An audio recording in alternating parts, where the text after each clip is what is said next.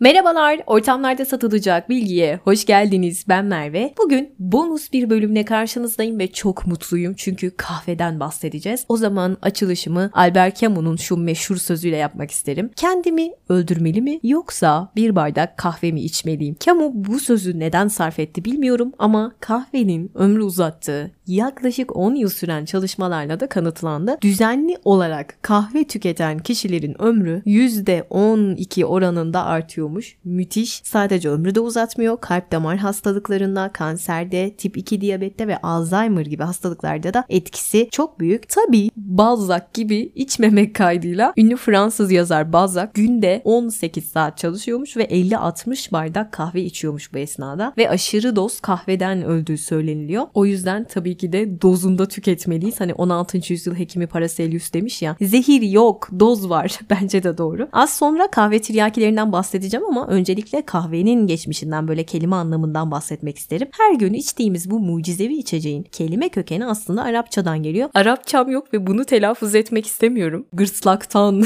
böyle kahvah gibi bir şey.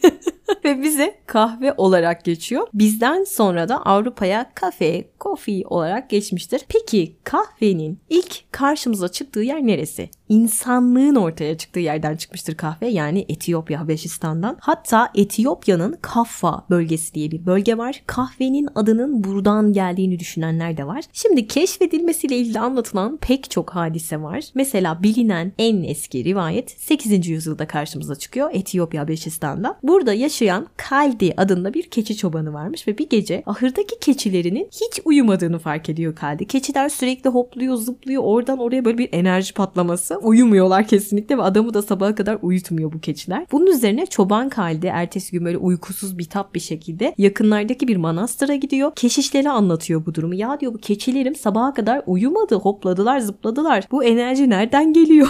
Keşişler de diyorlar ki e bir gidip bakalım hani hep beraber bakalım. Keçileri takip edelim. Ne yiyorlar, ne içiyorlar, ne yapıyorlar. Gerçekten de ertesi gün keçileri takip ettiklerinde bunların kırmızı meyveli böyle bodur bir ağaçtan meyve yediklerini görüyorlar. İşte bu kırmızı renkli böyle alıç benzeri meyve aslında kahve meyvesi. Ve kahve meyvesi kafıya bitki ailesinden olan ağaçların üzerinde yetişiyor. Keçilerin kahve yediğini görünce bu keşiş ve kaldi diyorlar ki biz de deneyelim bir bakalım nasıl bir şeymiş bu diyorlar. Ama korkuyorlar çünkü acaba zehirli olabilir mi falan diye düşünüyorlar. En iyisi suyla karıştırıp böyle kaynatalım zehri falan varsa akıp gitsin diye düşünüyorlar. Ve kahveyi bir güzel kaynatıp içtikten sonra cuba cubba sabahlar olmasın. yani bu hikaye gerçek mi bilmiyorum ama kulağa çok tatlı geliyor. Bir başka rivayet de şöyle. Hazreti Süleyman bir yolculuk sırasında uğradığı bir şehirde insanların bilinmeyen bir hastalıktan böyle kırılıp döküldüğünü görünce çok üzülüyor ve ne yapacağını düşünüp duruyor. Şifa bulabilmek için düşünüp dururken bir anda Cebrail kulağına fısıldıyor.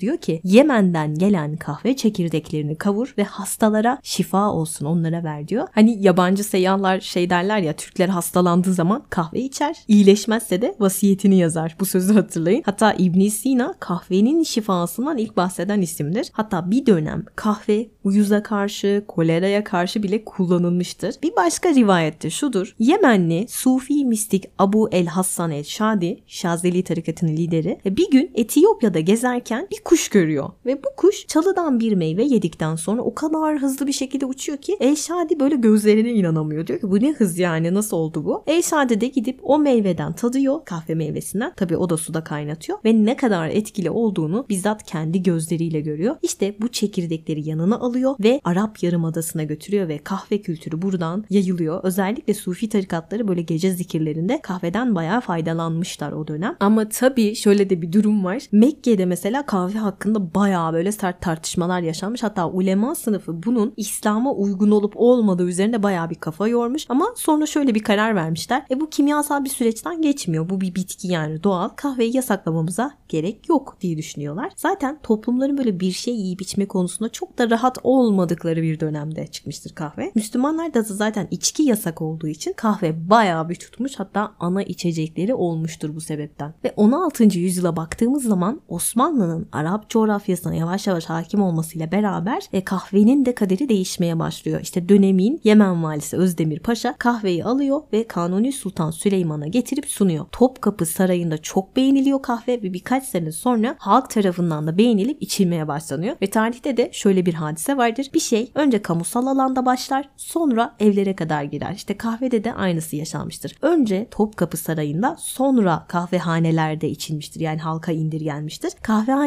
demek de aslında devletin kontrolünün dışında sayılabilecek mekandır kahvehaneler ve burada erkekler bir araya gelip şairleri dinlerler, satranç oynarlar, tavla oynarlar ve bir nevi bugünün aslında kafeleri gibi düşünebilirsiniz. Entelektüel yaşamın yoğun olduğu bir toplanma merkezi kahvehaneler derken camiye bile rakip görülmeye başlandığı bir dönem oluyor. E tabii ki de din alimleri bundan hiç hoşnut değil kahvehanelerden. Hatta bazı yetkililer buralarda toplananların isyan tertipleyeceğini bile düşünmüştür. Bu arada 1675'te Marat'ın devrimi planladığı yer Paris'te bir kahvehaneydi onu da hatırlatalım. Ama her şeye rağmen kahveyi yasaklayamıyorlar. Kahve o kadar önemli bir hale geliyor ki kahvaltı dediğimiz olay bile kahve kelimesinden geliyor. Kahve altı yani kahvaltıdan önce içilecek şey. Erken kalkanlar önce kahvesini içer sonra da bir şeyler yiyip içiyor. İşte bunun adı kahvaltı oluyor daha sonra. Peki kahve Avrupa'ya nasıl yayılmıştır? Aslında iki yol üzerinden. Birincisi Osmanlı İmparatorluğu üzerinden. ikincisi de Yemen'in kahve limanı Muha üzerinden. Bildiğiniz Moka adını buradan alıyor Moka kahvesi. Yani önce Etiyopya'dan çıkıyor, Kızıldeniz'i geçiyor ve 16. yüzyılın ortalarından itibaren İstanbul'da yayılmaya başlıyor. Oradan da Avrupa'ya geçiyor. Adeta bir salgın gibi ve kahve kısa bir süre sonra Avrupa'ya yayılıyor. Hatta ilk başlarda Venedik'te kahve Müslüman içeceği diye pek de benimsenmiyor. Ama Papa 8. Clement ölümünden kısa bir süre önce şöyle bir söz söylüyor. Bu şeytanın içeceği o kadar lezzetli ki onu sadece kafirlerin kullanmasına izin verirsek eğer çok yazık olur diyor 8. Clement. Sağ ol ya.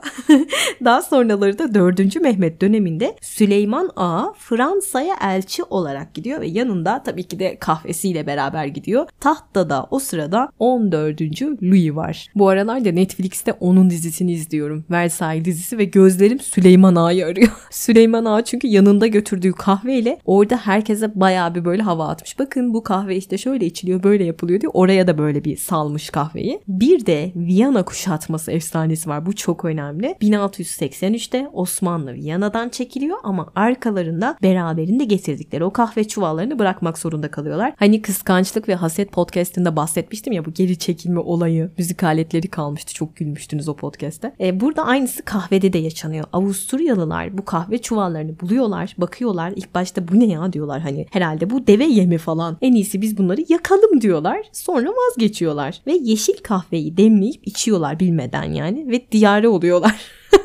Sonra bir yeniçeriyi yakalayıp diyorlar ki ya şunun bir tarifini bize ver. Adamın tabii canı tehlikede olunca tarifi de bir güzel veriyor. Sonrası malum zaten Avusturya'nın meşhur kafelerini Schaffenzweig podcastında anlatmıştım. Bu arada kahvenin Viyana'dan Avrupa'ya yayıldı efsanesi doğru değil. Yani bunu ben demiyorum. Araştırdım. İlber Ortaylı böyle söylüyor. İtalya'dan yayılmıştır diyor. Evet dünyanın en önemli kahve yolları Osmanlı'dan geçiyordu. Okey. Osmanlı kahveyi domine etti bir dönem. Buna da okey. Ama bütün bunlara rağmen kahve kültürü denildiği zaman İtalya biliyorsunuz çok öndedir. İtalyanlar kahve yetiştirmemesine rağmen dünya ekonomisinde bir numaradır. Çünkü markalı kahveler, makineler katma değer yaratmışlardır. Madem İtalyanlar kahveden bahsettik o zaman Netflix'te bir belgesel önereyim. Kahve meraklıları Caffè Sospeso belgeselini izleyebilirsiniz. Burada İtalyanların askıda kahve olayını anlatıyor. Yani bizde askıda ekmek var. Onlarda da askıda kahve varmış. İşte bu kadar önemli onlar için. Devam edelim. Şimdi kahve doğuda ve batıda çok farklı tüketiliyor. Nasıl mı? Şöyle. Şimdi Osmanlılar kahveyi yavaş yavaş içerler. Hani bizde zaten şey deriz ya kahve keyfi yapıyoruz. İşte bu aslında bazen saatlerce süren bir keyif, kahve keyfi. Bizim için kahve demek işte sohbet, muhabbet, keyif demek. Hatta Türk kahvesini pişirme süresi de uzundur ya normalde oradan düşünün. Ama İtalya'da espresso yani hızlı kahve olayı var. Basınçlı hızlı kahve. Bu hızlı kahve batının benimsediği bir içme stili. Londra'da mesela bank bankaların o yeni çıktığı zamanlarda orada işte kahve içip dünyanın her yerinden gelen haberleri konuştukları ya da işte Hollanda'da, İngiltere'de falan borsadan çıkan beyaz yakalılar, avukatlar kahvehanede buluşuyorlar ve durum değerlendirmesi yapıyorlarmış. Dikkat edin banka dedim, borsa dedim yani aristokrat bir kültür. Kahve e, o ortamda böyle iş ve disiplinle özdeşleşmiş aslında ama bizdeki durum çok farklı. Bizde keyif, onlarda iş ve disiplin. Şimdi bütün bunlar bir tarafa benim çok hoşuma giden bir detay var. Bir dönem Fransa'da Turkiyeri diye bir akım başlıyor. Yani Türk hayranlığı. 16. yüzyıl 18. yüzyıl arası diyebiliriz. İşte bu Türk hayranlığı en çok da Fransa'da etkili olmuştur. Hatta o kadar çok etkilenmiştir ki Fransızlar 18. yüzyıl Avrupa'sında Osmanlı sarayındakiler gibi giyinme, Türk kahvesi içme olayı patlıyor ve Fransız aristokratlar kahvelerini içerlerken Osmanlı gibi giyiniyorlar. Instagram'a koyarım 15. Louis'nin gözdesi Madame Pompadour'un aslında o halini yansıtan bir resmi var bakabilirsiniz. Şimdi bu kadar tarih yeter. Biraz da kahveye çok düşkün olan ünlü isimlerden bahsetmek istiyorum. Öncelikle ünlü Alman besteci Bach'la başlayalım. Zaten kendisi o kadar düşkündür ki kahveye. Kahve kantatı diye bir eseri de var. Bach'ın mizahi ögelerle karışık böyle bestelediği bir kantat bu. Ve Avrupa'yı kasıp kavuran kahve modası müzikte de yer bulmuştur bu sayede. Olay şöyle kahve kantatında. Baba evinde kahve içmesine izin verilmeyen bir genç kız diyor ki babacığım bu kadar katı olma. Eğer günde 3 kez bir kasecik kahvemi içmezsem yanmış bir keçi rostosu gibi kupkuru olurum. Ay bu kahve ne kadar tatlı. Binlerce öpücükten daha sevimli. Kahve, kahve içmeliyim. Bana bir şey ikram etmek isteyen varsa ah bana bir kahve hediye etsin.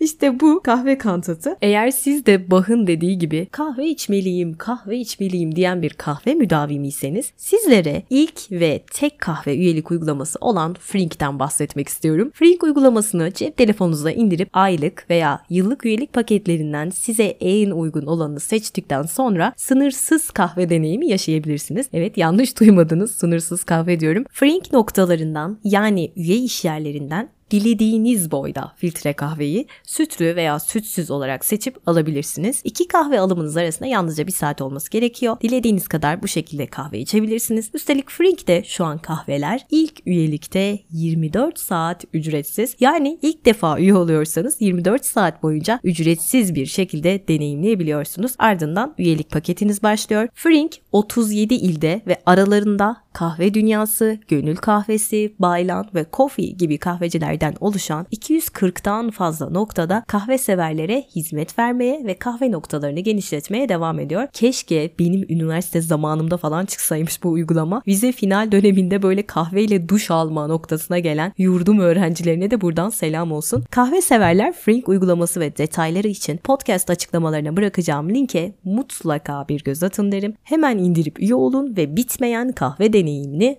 doyasıya siz de yaşayın. Peki sadece Bach mıydı kahve müdavimi? Hayır. Beethoven, Alman piyanist besteci kahve çekirdeklerini tek tek sayarmış bir podcastimde anlatmıştım. Fransız yazar ve filozof Voltaire günde 40-50 fincan arası kahve içermiş. Balzac zaten kahveden öldü dedik. Theodore Roosevelt günde 4 litreye yakın kahve içermiş. Bunların dışında Napolyon, Victor Hugo, Alexander Dumas gibi isimler de çok büyük kahve müdavimleriymiş. Şimdi kahve kahve dedim ama bir de Nescafe diye bir olay var. Yani bu nasıl ortaya çıkmıştır? Bundan da bahsetmek istiyorum. Şöyle ki 1929 yılında biliyorsunuz bir buhran yaşandı ve bu buhranda en çok zarar gören ülkelerden birisi de Brezilya oldu. E, Brezilya eşittir kahve demek. Yani ekonomisinde kahvenin çok büyük bir yeri var ve Brezilya Bankası bir karar aldı. Dediler ki biz çiftçilerden toplu bir alım yapalım. Aldılar kahveleri, topladılar ama satamadılar ve düşünmeye başladılar. Acaba biz bu kahveleri daha kolay bir şekilde tüketiciye nasıl ulaştırırız diye düşünmeye başladılar ve dönemin mama üreticisi hatta süt tozu üreticisi Nestle'ye gitmeye karar verdiler ve Nestle ile 1930'larda 8 yıllık bir ARGE çalışması yaptılar. İşte Nestle'nin hayata geçirdiği Nescafe böyle ortaya çıktı. Hatta Nescafe'nin Neil Armstrong'la beraber Ay'a bile çıkmışlığı var. Buraya da bir parantez açıp şunu söylemek söylemek isterim. Ben Türk kahvesini çok fazla sevmiyorum. Filtre kahveciyim diyebilirim. Kahve filtresi ise ilk kez 1908 yılında Melita Benz adlı Alman bir kadın tarafından bulunuyor. Şöyle ki Melita Benz işte kahve içerken ağzına tortu geldiği için rahatsız oluyor. Bunu diyor nasıl engelleyebilirim? Derken kahve filtresini icat ediyor. 35 yaşında bir ev hanımı ve bunun patentini alıp bir marka haline getiriyor. Bir de bu filtre kahvelere çok fazla hakim olmayanlar için şöyle basit bilgiler vermek istiyorum. Mesela Americano espressoya göre daha sulu, içimi daha kolay bir filtre kahve türü. Bu da 2. Dünya Savaşı sırasında İtalya'da bulunan Amerikan askerleri tarafından İtalyan espressosuna su ilave edilerek yapılmıştır. Cappuccino ise süt tabakası yani böyle daha kıvamlı, daha köpüklü olan espressolu kahve demek. Bu da 2. Dünya Savaşı'ndan sonra cappuccino adlı Katolik rahiplerin sütü köpürterek daha kıvamlı bir hale getirmelerine atfen verilmiş bir isim. Latte zaten İtalyanca'da süt demek, sütlü kahve. Macchiato benek demek. Espresso'nun üzerine tek damla konulan benek anlamında. Mocha katman demektir ve içerisinde sıcak çikolata vardır. Espresso üzerine çikolata ve onun üzerine de ince köpüklü süt anlamında. E Merve Türk kahvesine hiç bahsetmedin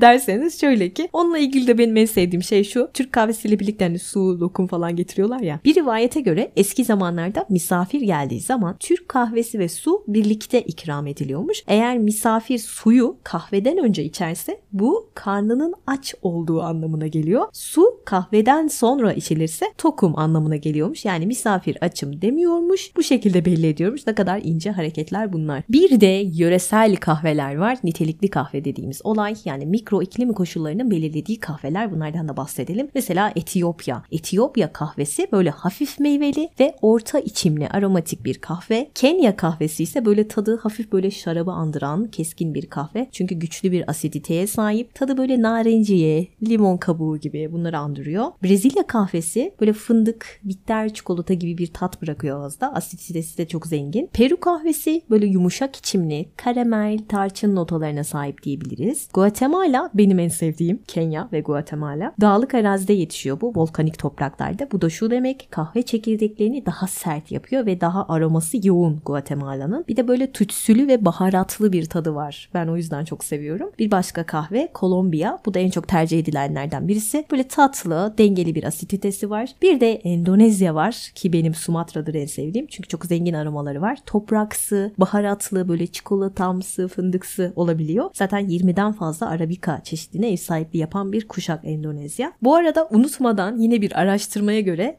4 saatte bir kahve içmenin ruh sağlığına ve hatta mevsimsel duygulanım bozukluğuna iyi geldiğini söylüyorlar. Yani mutluluk hormonlarını arttırıyormuş ve her 4 saatte bir alacağınız 75 mg kafein ruh halinizi iyileştirebilecek bir potansiyele sahipmiş. Yani günde 4-5 fincanı aşmadığınız takdirde aslında bir sorun yok. Yine başka bir araştırmaya göre de kahvenin intihar vakalarını %53 oranında azalttığı gözlemlenmiş. Bir de son olarak şöyle bir şey var. Caffeine Net diye bir şey var. Duydunuz mu bilmiyorum ama geçen gün benim bir arkadaşım anlattı bunu. Dedi ki çok etkili Merve lütfen sen de yap. En kısa zamanda bunu deneyeceğim. Şöyle Caffeine Net dediğimiz olay kahve içip uyumak. Çok saçma geliyor kulağa baktığınız zaman. Şöyleymiş. E, buna kahve şekerlemesi adı veriliyormuş. Olay şu. Diyelim ki akşam çok iyi uyuyamadınız. Uykunuzu alamadınız ve öğlen bir anda böyle bir uyku çöktü. Rehavet geldi. Aman tanrım ne yapacağım bütün gün nasıl bitecek diye düşünenlerdenseniz hemen hızlıca bir kahve yapıyorsunuz. Tabii ki de filtre kahve olacak arkadaşlar. Hazır kahve değil. İşte 200 miligram kadar yani bir kupa bir su bardağı. Bu kahveyi içip ılık bir şekilde çünkü çok hızlı içeceksiniz. 15 ila 30 dakika arası uyuyacaksınız ama 30 dakikayı geçmiyormuşsunuz. Bu şekilde enerjiniz yenileniyormuş. Yani arkadaşım bunu söylüyor.